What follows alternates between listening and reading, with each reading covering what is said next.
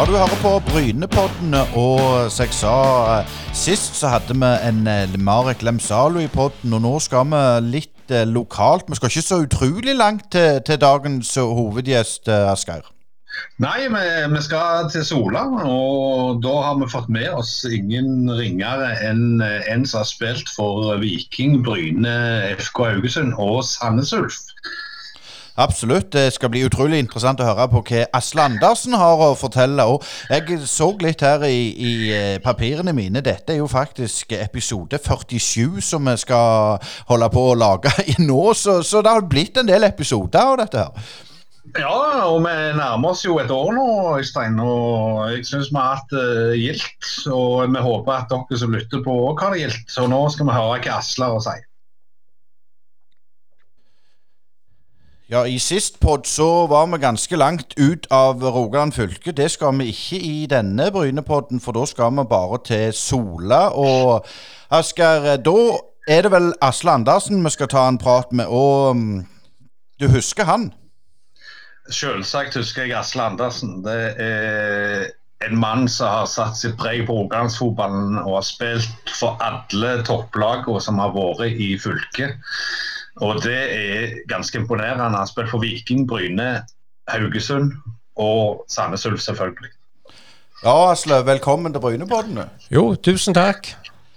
Jeg vet mest ikke hvor vi skal begynne, men vi kan jo, kan jo begynne å høre litt med hva du gjør nå. For det er vel en stund siden vi har sett deg på, på sida av trenerbenken? Ja, det er det. Det var vel i 2014 jeg ble ferdig i Sandnes. Og etterpå det så har jeg jobba som lærer. Og akkurat nå jobber jeg på Sola videregående, på fotballinja der, og stortrives med det. Du savner ikke fotballen, da? Jo, det er klart en gjør det. En savner jo det der trøkket og det adrenalinet i forhold til å forberede seg til kamper på, på søndagen. Men uh, den overgangen har egentlig gått veldig godt. Uh, jeg må si det. det der, du lever jo i ei boble med det der trykket og presset du legger på deg sjøl inn mot hver eneste kamp. så nå er det litt sånn åh, deilig, det er fredag og taco og hytte. Så det, det, er godt å kjenne litt på de, på de andre verdiene òg. Men, men, når du nevnte Sola, har de fotballgymnas da? Ja, vi har fotballgymnas på Sola videregående, så jeg er jo litt i gang der. Det blir jo selvfølgelig på en, på en helt annen måte, og en får jo ikke dette her spenningsnivået opp på den måten som en gjør når en er fotballtrener på toppnivå. Men hvis du ser på deg sjøl og, og, dagens ungdom, hva er det store forskjell på hvordan de både trener og spiser, skal de mest sagt? Jeg syns litt den største forskjellen er jo litt på dette på både på mentalitet og gjerne valgene ute på banen. Jeg syns jo rent teknisk så er de, eh, og ferdighetsmessig så er de veldig flinke. Men det som går på valg og kanskje litt på fotballforståelse og på enkelte òg litt på det som går på mentalitet og forstå hva det kreves faktisk å bli en, eh, en toppfotballspiller. Er det litt det som jeg liker å kalle det YouTube-generasjonen? Ja, en kan, en kan, gjerne kalle det det. Det er klart at de liker å se på Messi og Ronaldo, og gjerne ikke like godt på disse hardtarbeidende spillerne som uh, på en måte en òg eh, trenger i hvert eneste lag. Jeg skulle til å si, Du var vel gjerne ikke kjent for å være eh, den mest dribleglade du heller? Nei, og det er gjerne derfor jeg på en måte er litt opptatt av det som går på, på spilleforståelse, gjør hverandre gode òg. Jeg syns jo det er Uh, kanskje mange av de største talentene blir veldig uh, godt vante når de er unge. De blir vante med å kunne forsere, drible og komme seg forbi. og Når de da kommer opp på A-lagsnivå, så mangler de litt denne evnen til på en måte å kombinere og på en måte orientere seg og spille hurtigere i forhold til det å unngå uh, taklinger når de kommer opp på et høyere nivå. Men Asle, vi, jo, eh, vi vet jo, eller husker jo at det var jo et, et, et, et fotballgymnas på Bryne som var vel en av pionerene i Norge innenfor feltet. Men hvor, eh, hvor kom elevene dine fra? Er det fra hele fylket, eller er det stort sett eh, rundt Sola og, og litt inn mot Madla, Stavanger? De kommer stort sett fra Stavanger-området, og nå har vi jo fått et veldig godt kull fra Sola òg, som vi har da. Så nå er det jo faktisk av disse her uh, VG1-elevene, så har vi jo 20 Sola-gutter der som kommer fra samme kullet.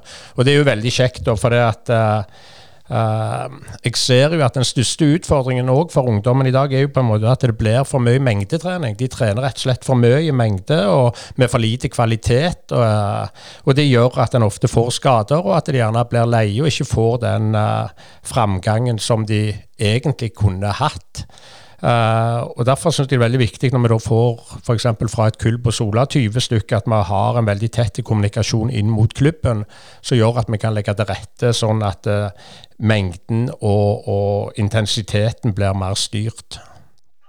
Når vi først har snakka om Sola, så har du jo vært innom som trener i kort tid i den klubben. Men eh, kan vi begynne med din egen karriere? Det var på Sola du begynte å spille fotball, var det ikke det? Jo, stemmer det. Jeg eh, starta der som uh, syvåring og, og, fortsatte der til jeg var 17, før jeg gikk til, til Viking i, i, to år der. Og så havna jeg jo i Bryne.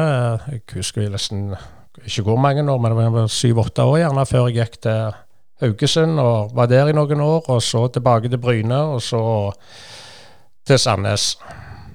Men eh, altså, eh, Sola, du er jo eh, fra den generasjonen som er vel de siste som spilte på store baner hele livet, holdt jeg på å si. Hvordan var det å spille fotball i Sola på den tida? Var det flere som var gode, eller var du en sånn en kaptein-kretslagstype? Vi, var jo, vi hadde et godt lag, men det var jo ganske jevnt mellom lagene i den tida. Men vi var et godt uh, lag. Men uh, Eh, ble jo ganske raskt tatt opp A-laget til Sola, og var, jeg husker var vel 15 og det måtte være 16, så man måtte liksom skrive litt feil i, i denne her dommerboka der for å lure meg med. og Det var en ganske tøff debut borte mot Eik, der han spilte stopper mot disse her eh, store, raske spissene til Eik der borte. Så vi fikk, gikk vel på 5-2-tap, og det var, var langt ifra den kjekkeste debuten. Men eh, så kom Viking på banen, og det var vel etter at Viking hadde hatt et lite dupp og, og vært nede i, i, det som i dag er Obos. Men, men eh, når du kom inn, så var det vel på vei opp igjen. og Hvordan var den overgangen der? Nei, den var Det var klart det var, For det første så var det utrolig kjekt å komme. og da var, var Jeg husker spesielt i 92, når Arne Lars Nøkland kom og, og, og, var der, at jeg fikk veldig tillit og ble tatt ut på OL-landslaget og hadde en vanvittig god oppkjøring og spilte mye. Men så ble jeg skada og fikk blindtarmen, og så det ble egentlig en, en sesong som jeg stort sett gikk skada når alvoret begynte. Så jeg fikk jo egentlig ikke uh, bidratt på langt nær det jeg ønsket på, på, på stadion. Så, men heldigvis så kom Bryne på banen da jeg var vel i 93, og så fikk jeg mange gode år der. Men eh, vi må jo innom eh, kort. altså Viking spilte jo mot det som ble kalt for drømmelaget til Barcelona med Pep Guardiola og Histo Stojkov og alle de store stjernene som var da på 90-tallet. Du så den kampen fra tribunen, men allikevel husker du noe av den kampen? Ja, jeg husker jo den der. For det første så husker jeg bare det å få være ute på og, og, trene på stadion. Det var helt uh, enormt. Og i tillegg så uh, Det å sitte når kampen skulle starte, det showet og det trøkket som var rundt kampen, og, og Kenneth Storvik sprang utpå der og slo tunneler og herja med, med, med Barca-stjernene. Så det var en uh, utrolig opplevelse. Det var det. Så, så, det var litt andre forhold i Barcelona enn på Sola, kan du vel trygt si? Ja, det er som dag og natt. Men eh, Bryne, eh, overgangen til Bryne, hvordan kom den i stand? Var det du som søkte, eller kom Bryne og henta deg? Jeg har vel aldri vært en sånn en som på en måte legger ut agna for, for, andre klubber. Uh, egentlig vært litt mer sånn at hvis Kanskje på godt og vondt, det òg, men uh, det var Bryne som kom på banen, og heldigvis gjorde de det. Jeg var kjempeglad for det. og og fikk jo veldig mange fine år i, i Bryne. Men, men, husker du noe av, av forskjellen på Bryne og Viking, altså i klubbene eh, fra, fra de årene? Hva som var den store forskjellen, og sånn, husker du det? For meg så var det jo mer dette at det, Når jeg kom til Bryne, så spilte jeg jo. Sant? Du ble jo litt mer på en måte en spiller som var satsa på. Men når jeg var i Viking, så ble vi jo seriemestere, og det var jo et vanvittig godt lag i 91. Uh, og der var det jo en ungdom som på en måte Uh, spilte uh, Ja, vi hadde en helt annen rolle i Viking som spiller enn det jeg hadde i, i Bryne. Ja, Når du nevner det, Asle Jeg husker jo den tida godt. og når, Du som spiller var jo eh, Du ga alltid 100% og det med det mentale, hvor, hvor viktig er det?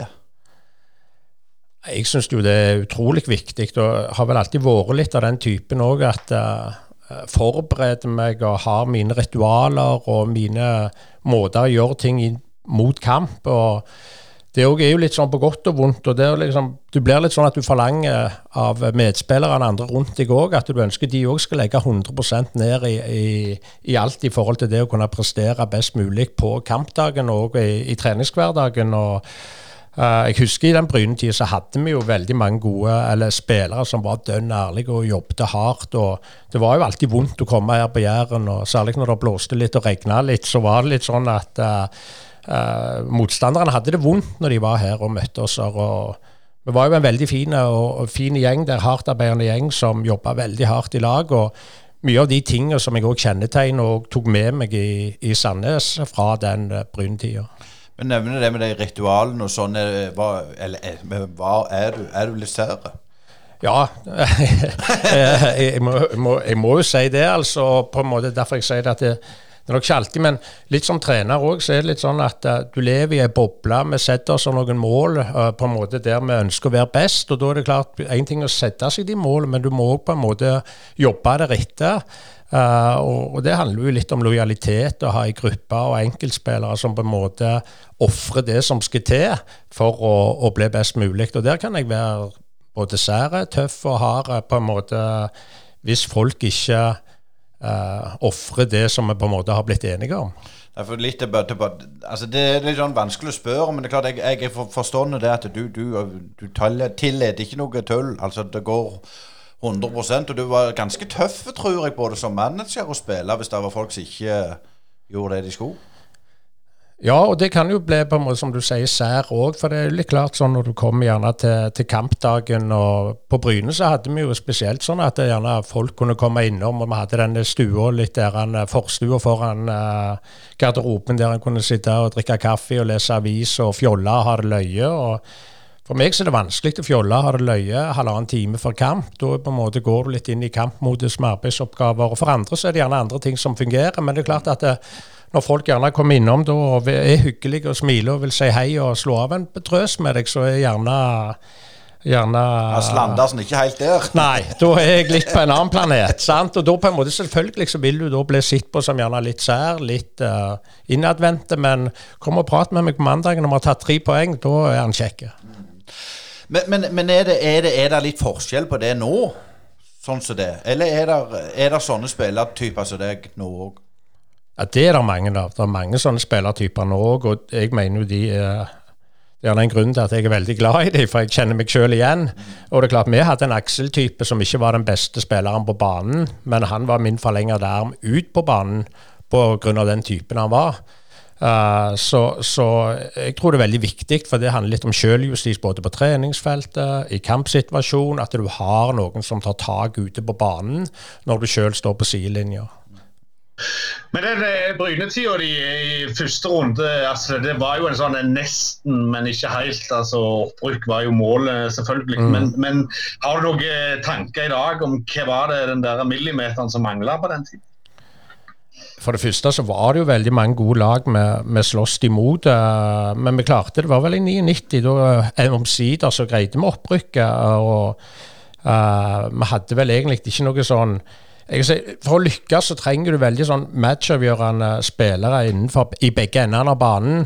Uh, vi var sånn jevnt godt besatt hele veien. Uh, og jeg tror gjerne at det som på en måte skilte at vi liksom ikke helt klarte å, å ta steget opp i eliten.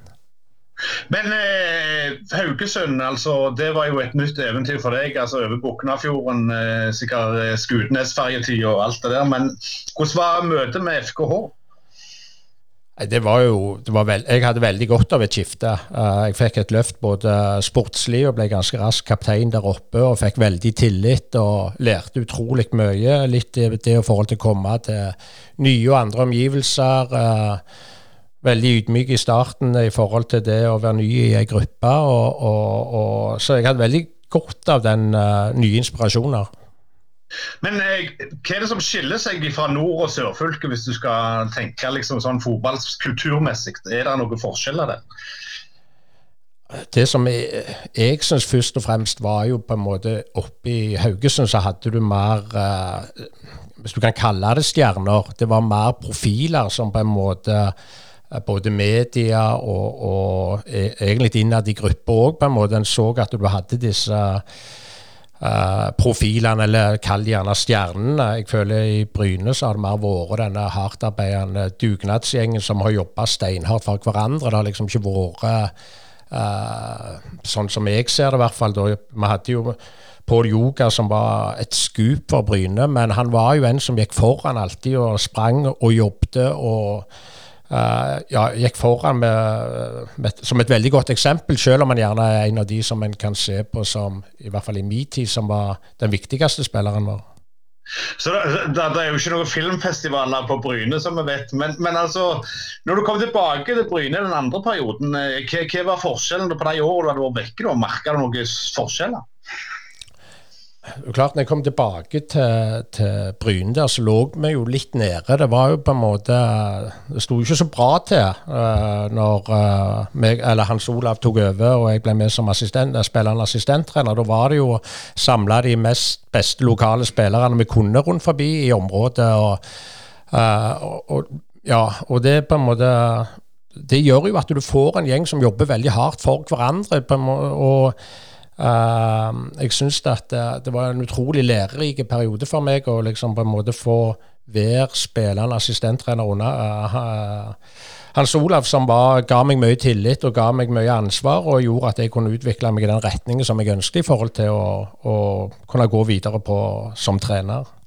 Ja, Vi må jo innom det der eh, laget. Det er jo sånn der han eh, mobiliserer Heimevernet på en måte. For Bryne var jo i store problemer økonomisk. Da henta dere vel inn mest til det som var og kunne gå rundt forbi sånn annen- og tredjedivisjonsklubber rundt i, i Rogaland, og litt ned i Agder. Espen Hegeland kom vel fra, fra ja. Lyngdal. Men, men, den der gjengen der med Ricky og alle de der altså, Det må jo ha vært en sånn vanvittig spesiell sesong, for ingen hadde jo noen forventninger til dere.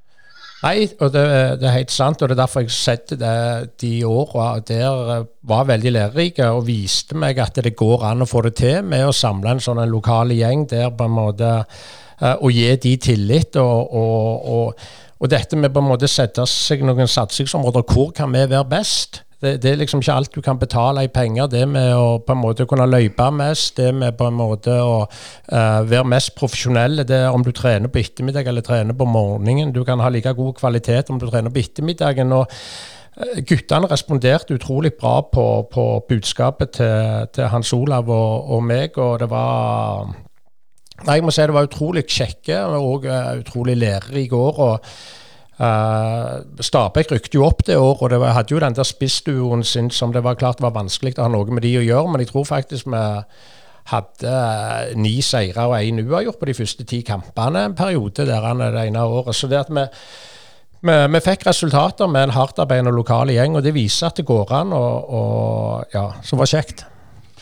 Uh, litt over til din, til din far Leif Andersen. Han har jeg faktisk vært på kurs med når det gjelder flise. Ja. Onkelen min. Er det onkelen din. Det er onkelen min, ja. ja. Men, men, men, er det mye idrett i slekta? Ja, det er, er, jo det, men det er ikke noen uh, på en måte som uh, Jeg har jo en søster som har spilt topphåndball i Sola og reiste til Danmark og spil, har spilt topphåndball der. Uh, men foreldrene mine har spilt håndball og spilt fotball, men de har ikke vært noe på toppnivå. Ja, Det var litt, sånn, litt spørsmål neste, neste spør, ne, inngang til neste spørsmål, det med flise. For de er jo firkanta, og det er klart når du, når du nevner du er litt firkanta, jeg kaller det det også. Du har vel fått noen fiender òg, altså sånn som i Bryne. Det er vel klart, du, du tar jo mye plass, eller tok mye plass? Ja, det er klart du gjør det. Og, og uh, det var vel derfor på en måte mitt eventyr endte i, i, i Bryne. Det, når Magnus kom inn, på en måte vi, vi fant ikke kjemien. Vi gikk ikke helt i hop. og Uh, Magnus følte gjerne jeg tok for mye plass, og jeg ønskte på en måte å ha mine ansvarsoppgaver som jeg hadde fra tidligere. og Magnus mente gjerne mer at jeg skulle være mer og mer konsentrert meg om bare å være spiller. og Det var jo litt av grunnen jeg kom til Bryne, for at jeg hadde lyst til å utvikle meg på den trenersida. Så ja, uh, på godt og vondt igjen, men uh, det var nok en av grunnene til at jeg måtte gi meg i brynet. Men, men, nå når du ikke spiller lenger, hvor, hvor mye sånn, kall det sånn tiktakkeri og ting er der innad i ei spillergruppe? På toppnivå?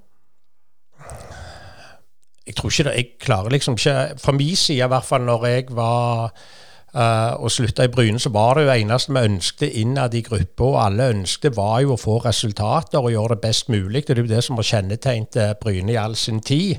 Og jeg husker faktisk uh, det året òg. Jeg var inne hos uh, Alf Inge, og han spurte meg om jeg kunne tenkt meg å være hovedtrener. Og der jeg sier til Alf Inge at nei, det syns jeg er litt for tidlig. Jeg, jeg kunne tenkt meg å fortsette i den rollen jeg er nå noen år til og lært, fått inn en ny trener, fått nye inspirasjoner, og så eventuelt uh, blitt trener. Så det var i hvert fall ikke noen sånn taktiske vurderinger i, for, eller, ja, i forhold til, til, den biten å posisjonere seg i det hele tatt. Så, så kom jo Sandnes på banen, og hvordan eh, kom det i stand? Nei, Min gode kompis der var jo trener Johan Selvik. Uh, så det, han var jo rask på tråden når uh, på en måte tida mi i uh, Bryne var over, og lurte på om jeg ville komme inn der og være spillende trener i lag med han. og ja, det var jo eller rett før sesongen skulle starte, så jeg var jo godt trent og var klar til å gå inn der og gjøre en jobb. Og det ble en naturlig overgang for meg. Og jeg hadde jo en del tilbud òg fra andre Obos-ligaklubber. Uh, så jeg kunne godt det, men uh, jeg er litt stedbunden, så det passer godt med, med Sandnes. Og jeg uh, treger jo selvfølgelig ikke på det valget. Men, men uh, det med stedbundenhet, det skal vi komme litt tilbake til. Men, men når du kom til Sandnes, hvilken klubb kom du til?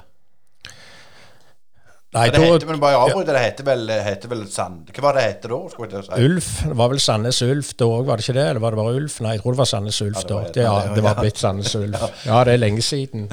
Men uh, dere spurte litt om det tidligere i forhold til hvordan forskjellene var i forhold til Haugesund å komme til Bryne, og fra Viking å komme til Bryne. og men uh, det kan jeg jo si, der merket jeg forskjell. Å komme fra Bryne og komme til Sandnes, det var utrolige forskjell. Da merker du du kommer fra en profesjonell klubb med profesjonelle spillere, til en kommer til en klubb som på en måte ikke har eh, vært i nærheten av å uh, skape en sånn en toppidrettskultur. Mm. Uh, med all respekt for det at de hadde gjort uh, noen meget meget sterke sesonger i, i andredivisjon og, og gjort det bra. og når jeg kom, så lå det et godt grunnlag der.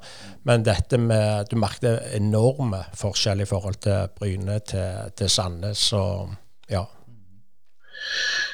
Men jeg, jeg jo eh, vokste opp på Gandal, og vi hadde jo et, et eh, ganske sterkt eh, hatforhold til, til Sandnes Ulf. Det var jo den argeste konkurrenten vi kunne ha i, i oppveksten. Men, og de hadde jo dette stuntet med Sandnes FK før der. Men altså, hvordan var forholdet til de andre Sandnes-klubbene når du begynte i Sandnes Ulf? Uh, jeg skal være helt ærlig, så, og det, det skal jeg jo være, så på en måte var ikke mitt fokus der. Uh, så det er vanskelig for meg å si. Jeg tror ikke det var så godt. Men jeg hadde jo på en måte et fokus inn mot uh, A-laget og prøve på en måte å, å, å, skape en vinnerkultur og en profesjonalitet inn i det A-laget. Så, så, rundt i forhold til de andre klubbene. Og vi jobbet jo 100% utenom som lærer og trente klokka halv syv på kvelden og kom hjem klokka ni, og så var det på skolen igjen. Så det, uh, min energi gikk på, på A-laget og på spillergruppa. Men jeg vet jo at, uh, at uh, Sandnes har ikke vært flinke der, og etter hvert har jobba veldig hardt når vi fikk en spillerutvikler og, og mer folk i de ulike posisjonene for å prøve å bedre det forholdet. For jeg vet at det har vært langt ifra godt. Men hvordan var det for deg da når du skulle ta tak i, disse karene og prøve å få dem mer proffe? og Du sa du uh, sprang på jobb i tillegg og, det var ikke noe fulltidsgeskjeft. Men uh, hva var den største utfordringa, følte du, det, det der første året? Jeg husker vi, vi, skulle spille Vi lå jo og kjempa i toppen. Vi havna jo på, på andreplass uh, det første året. Og, og, Jeg husker vi skulle reise den ene bortekampen der oppe i Bergen, og så stopper vi med bussen for å strekke på beina. Og så merker du at folk springer inn på, på, på butikken der på Remaen og kommer ut, og det klirrer litt i posene. Uh, da kjente jeg bare at uh, røyken sto ut ørene, og kjente at er det dette jeg vil? Og vi lå under 3-0 etter en halvtime. Uh, og da kjente jeg bare på den turen hjem uh, og på neste trening, da spurte jeg om det var dette de ville, for da ville ikke jeg være med på det.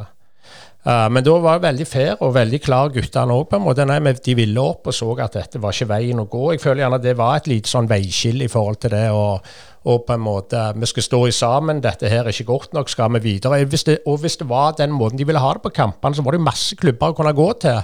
Men du skal ikke være på i en klubb som på en måte der du er enig om at vi har et mål om å rykke opp og spille uh, Obos-liga eller Dekko-liga som Ja, så Nei, det var ganske mye å ta tak i. Men uh, når det er sagt, så var det jeg, på en måte jeg forbinder det veldig med litt sånn som det var i Bryne, som du snakket om tidligere, i forhold til det at du henta lokale spillere rundt forbi.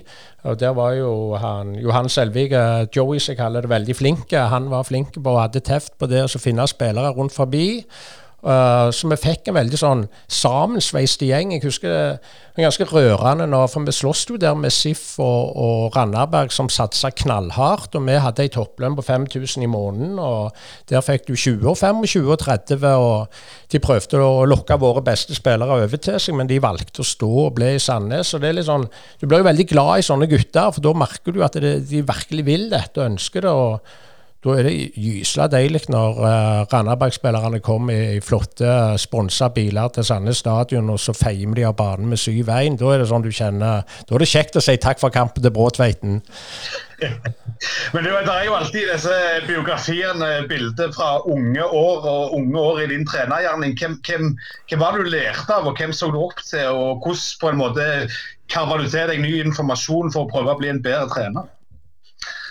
Jeg har vel egentlig ikke hatt noe sånn spesiell, Verken på den ene eller andre måten, men jeg har liksom alltid hatt tro på det. der Hvis du, uh, hvis du setter deg et mål i, i lag, og, og, setter deg noen satsingsområder, og, og samtlige gjør det de kan. Uh, arbeid knallhardt på treningsfeltet i hverdagen for på en måte å kunne prestere best mulig, så, så kommer du utrolig langt. Og for meg så får jeg jo Uh, en mann som Ronny Espedal, som dere kjenner godt, som liksom ikke har det største potensialet, og egentlig gjerne ble sett på som litt sånn ferdige i, i Bryne, som kom til Sandnes og spilte oss til Tippeligaen og liksom aldri kunne spille en dårlig kamp, men jo heller aldri liksom en toppkamp. De der uh, karakterskalaene som dere er gode på, så var han liksom generelt en syver hver eneste kamp. Jeg får liksom sånn det på en måte alltid gå ut på der og levere opp mot potensialet sitt, uh, uh, det har jeg veldig respekt for.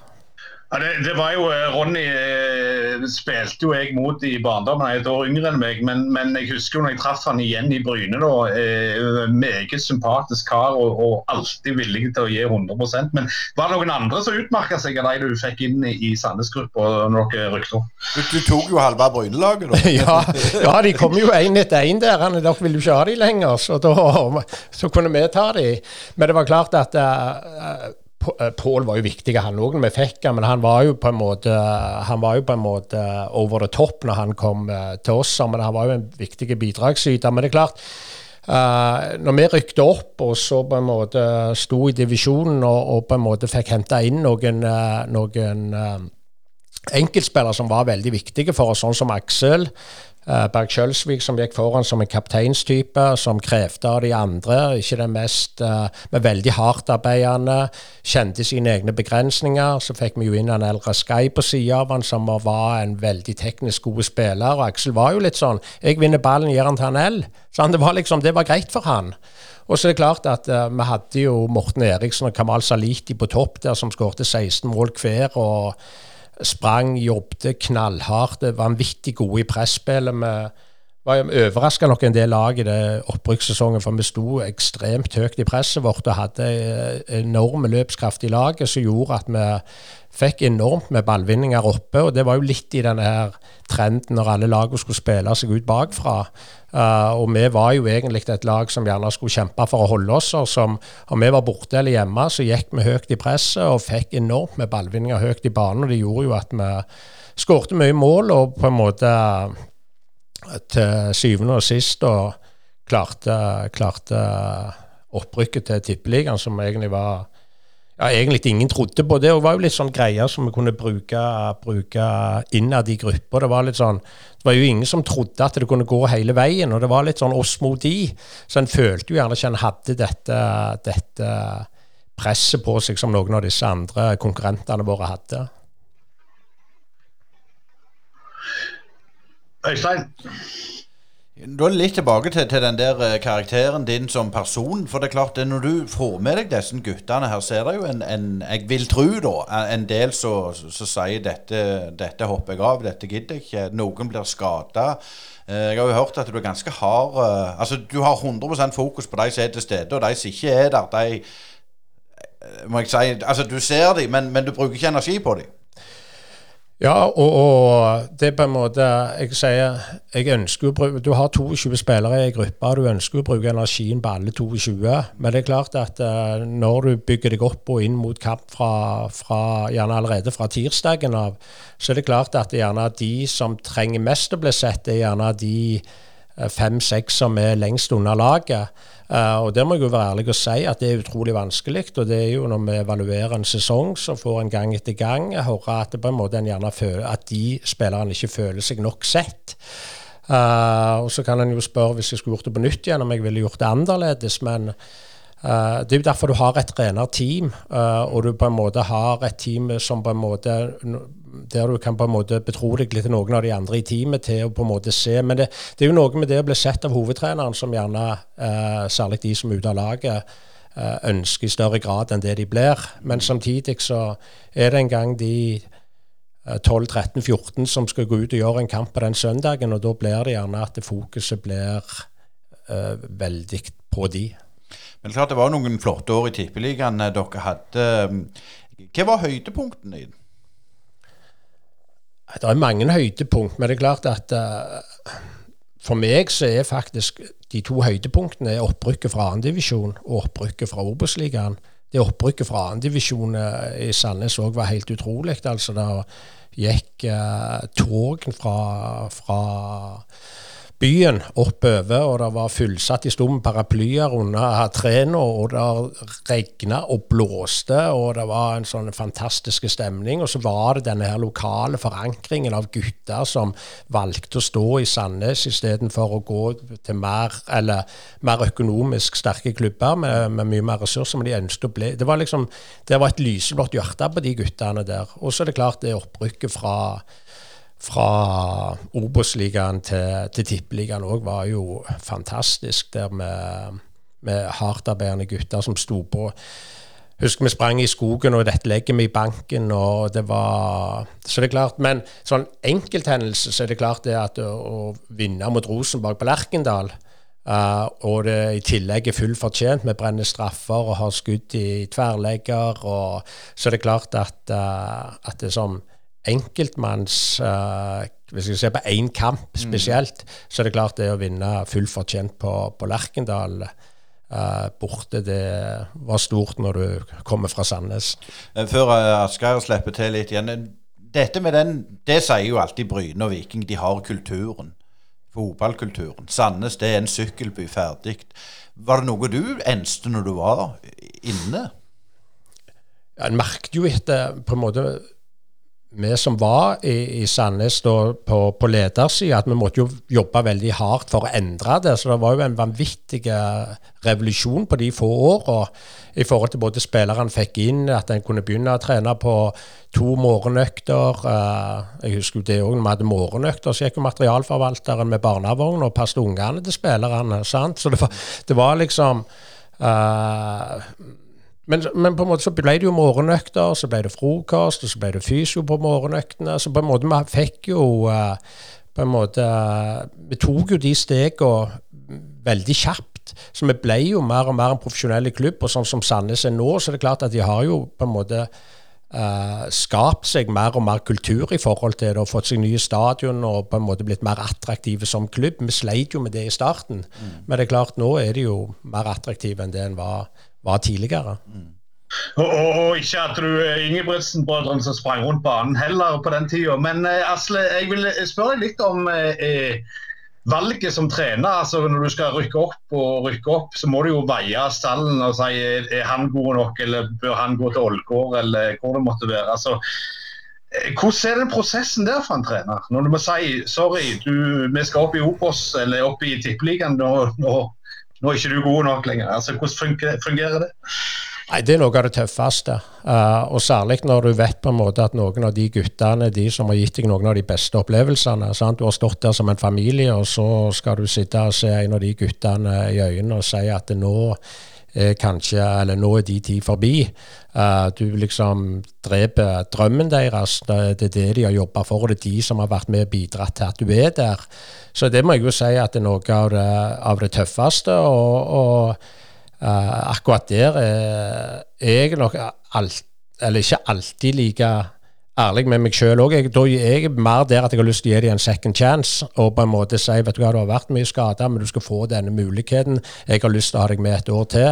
Men det er klart at der er det jo langt ifra alle som er enige med meg, og det har jeg jo diskutert med mange av disse her lokale Sandnes-guttene som på en måte ikke fikk fortsette, og føler gjerne at uh, det var en feil, uh, feil av meg, da. Og, men heldigvis så kan vi se hverandre i øynene fortsatt i dag og, og diskutere det. Og om vi er enige eller ikke, så sånn er det bare. Men, men det må jeg jo si er noe av det tøffeste. Men de siste åra har jo Sandnes vært ekstremt prega av stort gjennomtrekk. Altså skifte ut masse folk hver sesong. Hvordan var det i de tid? Nei, det var jo ikke det hos oss. og Da var det jo veldig kontinuitet på, på spillersida. Og det tror jeg jo gjerne er noe av grunnen til at uh, Sandnes ikke har vært stabil nok til å levere de resultatene som de forventer av seg sjøl, og omgivelsene forventer av dem. Men det er klart at uh, hvorfor det har vært stort gjennomtrekk nå, det, det, kan jeg jo ikke svare på. Men jeg tror jo litt det var litt av, uh, av suksessformelen vår. At vi på en måte bevarte uh, bærebjelkene og sentrallinja i laget år etter år. Uh, I tillegg så var vi jo flinke med å, å treffe på spillerne som Anel og Steintor og, og uh, Gytkjær som kom inn. Og, så vi, vi, vi, traff jo på spillere og, og, og, fikk de til, og så fikk de videre fart på karrieren. Og det var jo litt av utfordringen i Sandnes. at det, uh, når de blomstra i Tippeligaen og ble matchavgjørende for oss, og så kommer det jo større klubber og henter dem. Uh, og da er det klart at Når du da mister de tre-fire beste spillerne dine år etter år, så må du treffe når du skal hente inn nye hvert år. Uh, og det var jo ikke det var jo på langt lær Eller det er jo ikke enkelt når du ikke har de ressursene i bånn og i banken som uh, konkurrentene har. Men, men, hvordan var det da eh, som trener eh, å bygge opp en slags sånn der, fanbase? For det har jo ikke Ulf hatt eh, så vanvittig mye av eh, i gamle dager. Og det kom jo ganske mange som kom ut av Ormaskogen når dere var i, i Tippeligaen, men dere da rykte ned igjen. altså hvordan, hvordan var det da liksom å føle at eh, det var en del som var sånn medgangssupporter? Nei, det, det, har, en jo, har jeg jo kjent på. og en klart at eh, En så jo det det året vi rykket opp i Obos-ligaen òg. Eh, jeg kjente vel nok mest på det der. der på en måte Vi hadde en tøff start, og så snudde det hjemme mot Kongsvinger. Da tror jeg det var 300 tilskuere på, på, på, stadion.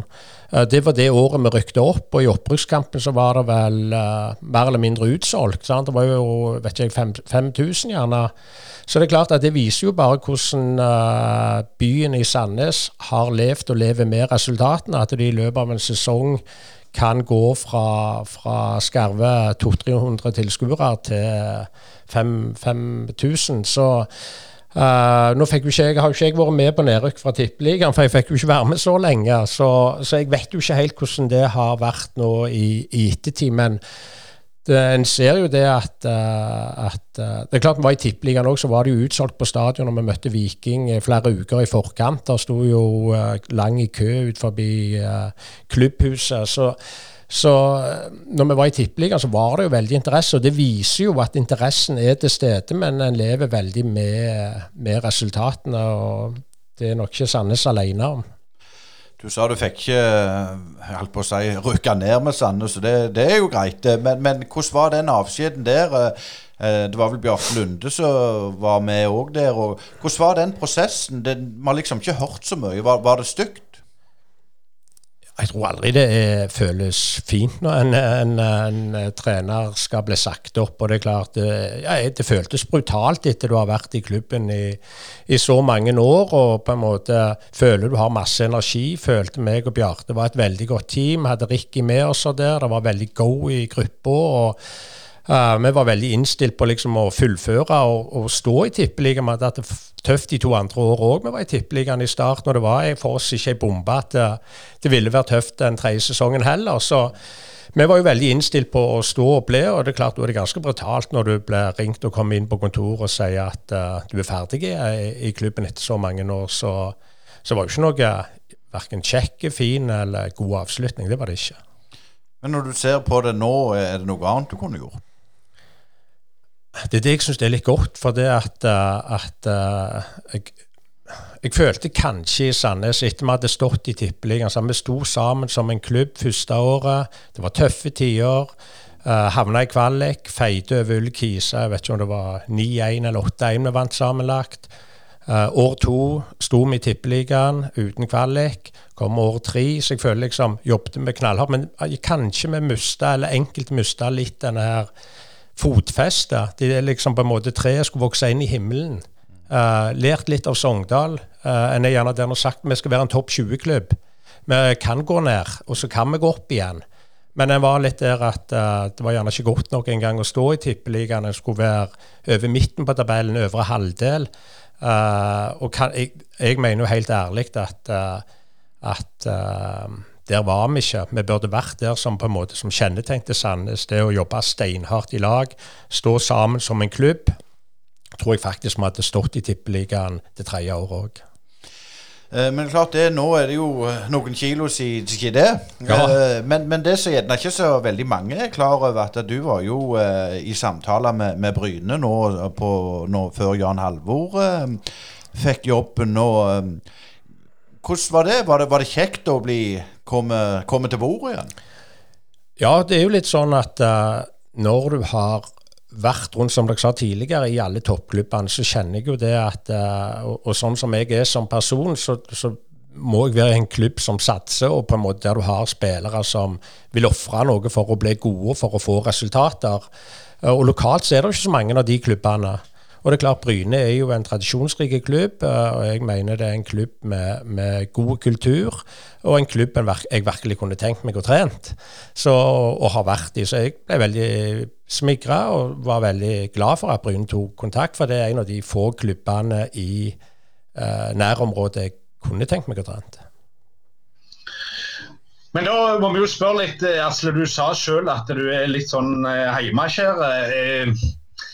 Var, var, det andre klubber banen rundt forbi Norge etter du eh, måtte gå fra Sandnes Ulf? Og, og, var det noen du tenkte på og, og fant ut at dette går ikke? Men, eller var det liksom Er det sånn Rogaland eller ingenting? Det var mange klubber, uh, og, og, jeg kan jo forstå at det var en del Obos-ligaklubber som på en måte Det var ikke tippeligaklubber, men det var mange, uh, mer enn halvdelen av Obos-ligaklubbene som var på banen og, og, tok kontakt.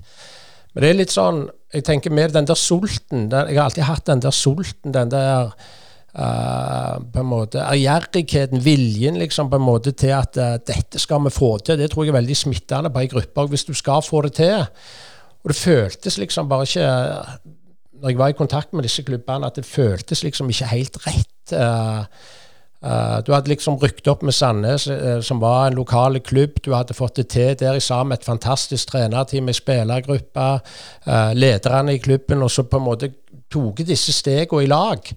Så kjente jeg at Nei, det føltes liksom ikke rett. Skulle jeg reise der på en måte og, og Uh, nesten reise vekk, eller Du reiser nesten vekk i familien da i ti måneder. Uh, og, og, eh, jeg tror ikke Hvis jeg hadde ikke, ikke vært 100 til stede, så tror jeg ikke på en måte du oppnår de resultatene. Hadde det kommet en tippeligaklubb på banen som hadde det vært litt annerledes. Det var litt å gjenskape det jeg allerede hadde gjort i Sandnes. Men Var du redd for å mislykkes? Nei, ikke på noe som helst måte. Men litt den der Jeg kjente ikke på den sulten som jeg gjorde når jeg kom til Sandnes i andredivisjon. Det var litt Vi skal opp i Obos. Vi skal opp nå. Vi skal et steg videre. Når vi var i Obos, dette er ikke godt. Vi skal videre. Så liksom når du har hatt de resultatene og har gjort det en gang, så tror jeg at jeg trengte rett og slett uh, la det synke litt inn. Men det, så takket du ja til, til tilbud fra Sola. Var det i ettertid noe så du var litt sånn ja, greit, jeg prøver meg litt, eller var det liksom en møte, en hverdag du hadde liksom lagt bak deg da når du tok Sola i, Nei, det var, det var, ikke noe jeg hadde lagt bak meg, men det var litt sånn uh, rop fra, fra Solas side i forhold til at de, de hadde ingen, og vi kunne gå inn og, og, gjøre en jobb for dem, for de hadde virkelig behov for at noen kom inn og, uh, og, og gjorde en jobb på trenersida hos dem. Så tenkte jeg OK, jeg kan prøve og se hvordan det går, men, men, der kjenner jeg jo på en måte at når du har lagt opp det i trening, så er det fire som ikke kan komme fordi at uh, de skal jobbe med Nei, vi kan få ikke dette til, så står du med tolv mann på treningsfelt feltet. Ok, og så skal du ha sommerferie. Ok, men da vi kommer tilbake så vi får trene godt uh, i ti dager, ja. Så kommer du tilbake fra ferien med familien hjem, og så står du igjen med ti mann på trening, for de andre kommer ikke tilbake etter sommerferien. Så jeg kjente jo litt den der at uh, jeg, jeg, jeg, kan ikke gå tilbake på det nivået. Jeg må ha spillere som på en måte er profesjonelle og, og vil ofre noe for å få resultatene. Så, så, sånn sett så kan du godt si at det var, var en dårlig Uh, ja, det passet ikke. Det passet ikke for mine ambisjoner. Men, men uh, hold på å si, i de årene du har vært i fotballen, hva vil du si eh, blant mannskapet du har spilt med og fra 1990 og fram til nå? Altså, hva er forskjellen på generasjonene vil du si, mellom de som er unge nå og de som var unge når, når du begynte sjøl? Uh, jeg syns det er vanskelig å sammenligne, for det er jo veldig sånn Liksom ikke sette det i bås. Uh, men jeg syns jo gjerne det uh, En husker jo sjøl når en kom opp som unge, så var det jo tøft. Sant? Det var tøft å komme opp som unge. og jeg eh, føler jo, i, om det er Bryne eller i Sandnes-tida, når på en måte jeg, jeg, var spiller av eldre, eller når jeg har vært trener, så er det litt sånn den mentaliteten, gjerne det å, å, å, forstå at det første året er tøft. Jeg kommer opp her nå, og jeg er ung, jeg må, må stå i det. At det på en måte der uh, rullegardiner gjerne kan gå litt fort ned hos, hos enkelte.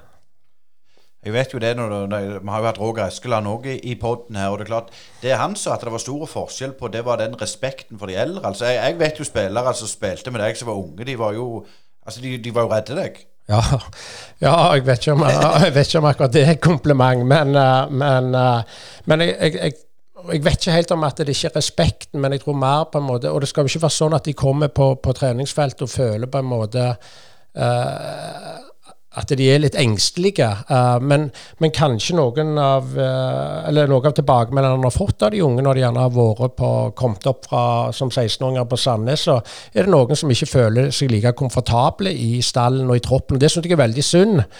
Uh, for det er ikke min opplevelse av når de er oppe i, i, på våre treninger. Uh, der en gjerne tar de til side, skryter av de, sier det kommer til å bli tøft, sånn er det. at det liksom den hverdagen fra å være den beste på juniorlaget og komme opp på et A-lag, så trenger du en mentalitet for å komme et steg videre. At, at det kanskje den Men den var kanskje hos ungdommen når, når vi òg spilte. Men den eh, konkurranseinstinktet og, og, seriøse mentaliteten din, altså, hvor kommer den ifra, tror du? Nei, det, det, er vanskelig å si. Det, det, er ikke alltid det er like hyggelig heller når vi, vi, spiller kort eller monopol eller hva vi gjør på hytta. Så, så, eh, er det ikke alltid like god stemning. Så jeg, jeg vet ikke hvorfor, uh, hvorfor, I hvert fall ikke hvis jeg taper.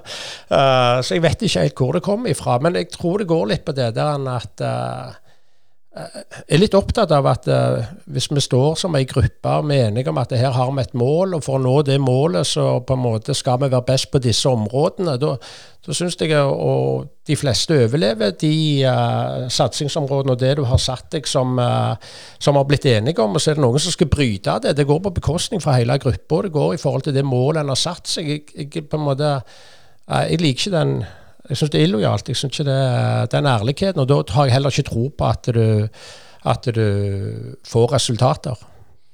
Eh, men litt sånn eh, videre for din del. Eh, du er jo ikke fullt 50 ennå. Du er jo mange år både i arbeidslivet igjen.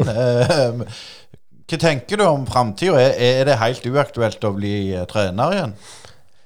Nei, det, det er det ikke på langt nær.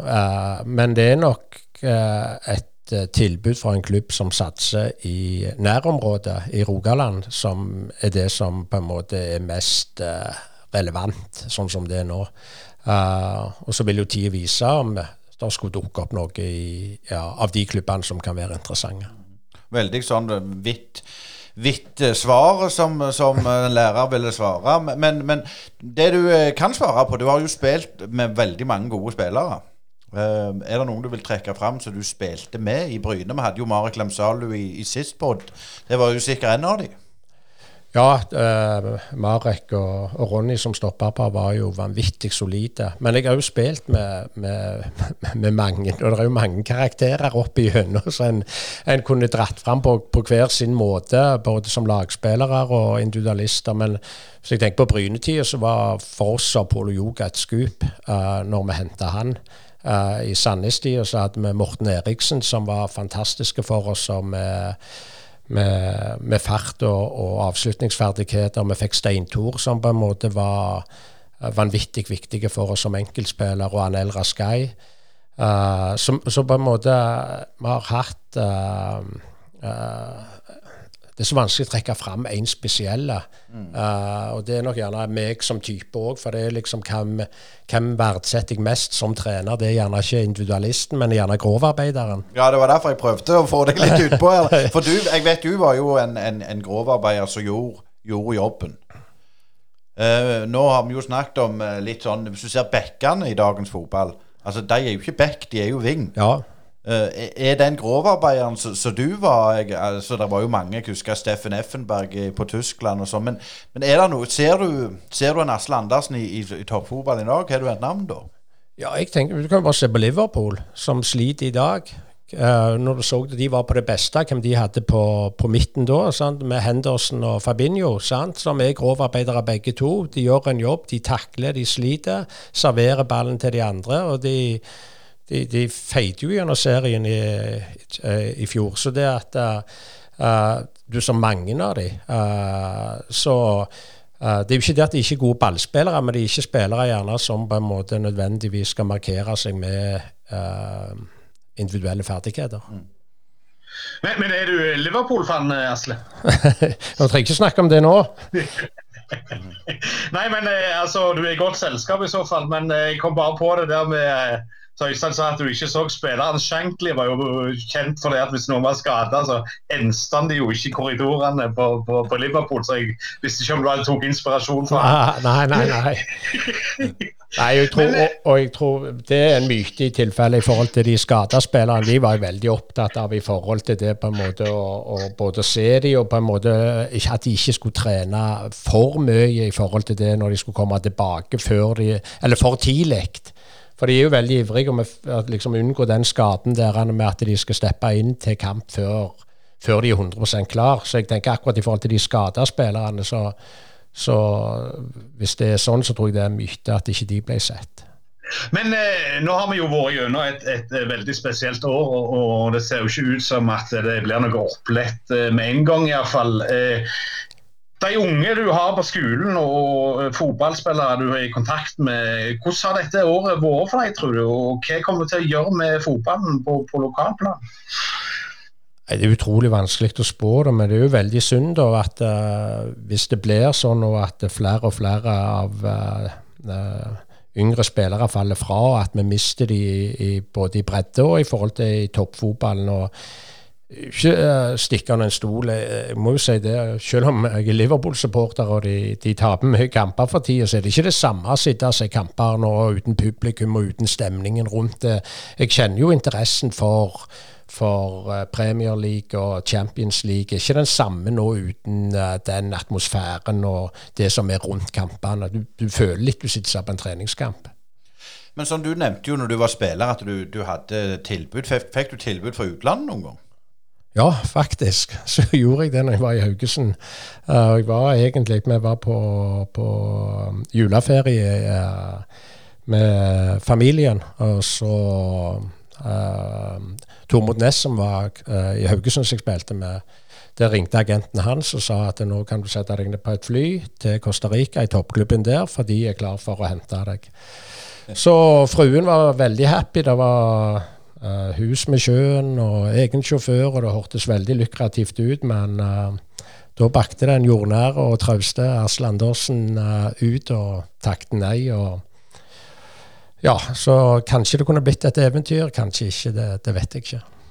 Men det er jo godt å høre Asgeir, at det er ennå noen lokale som liker å være rundt dørene. Det var utrolig utrolig kjekt å ha deg i Brynepodden, Asle Andersen. Tusen takk for du stilte opp. Jo, tusen takk for at jeg fikk komme. Det var veldig kjekt. Ja, Da var en eh, god time med Asle Andersen over. Utrolig interessant å høre hva den karen hadde å si. Mye gode historier og mye godt der. Og vi må òg nevne at vi skal ha en liten konkurranse i dag. Det er Stadion bowling på Bryne som gir vekk tre Nei, tre, sier nå skal du høre. Fem runder med bowling. Det du skal gjøre, du skal bare tagge en venn som du har lyst til å ha med deg på en runde med bowling på Stadion bowling på Bryne. Enten på Facebook, Twitter eller Instagram. Og så trekker vi den på mandagen, da.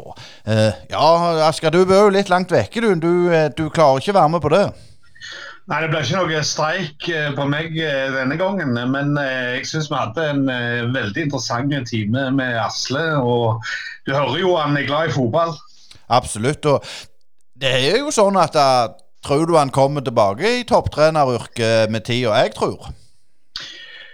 Ja, jeg, jeg, håper det. For jeg tror det er en, en mann som har eh, fremdeles mye å gi. Og nå er det jo godt noen år siden han var i manesjen, men jeg håper jo virkelig at vi får se en, en spiller så, eller en trener som Asle tilbake i manesjen. For den jobben jeg gjorde i Sandnes Ulf var jo utrolig. Det tok de helt opp til Tippeligaen. og så må vi òg tenke på det at Han har jo erfaring fra, fra mange klubber i distriktet. og han har noe å gi ennå, og det er kjekt med en rogalending som kan trene på toppnivå. selvfølgelig. Absolutt, og husk som eh, sagt den der konkurransen vi har i sammen med Stadion Bowling, der du kan vinne fem runder med bowling. Eh, gå og tagg en venn på vår Facebook-side, Instagram-side eller Twitter, og så trekker vi en heldig vinner da, den mandag 22. mars. Og dette var episode 47, men eh, neste uke så er det en ny pod, så på gjenhør til dess.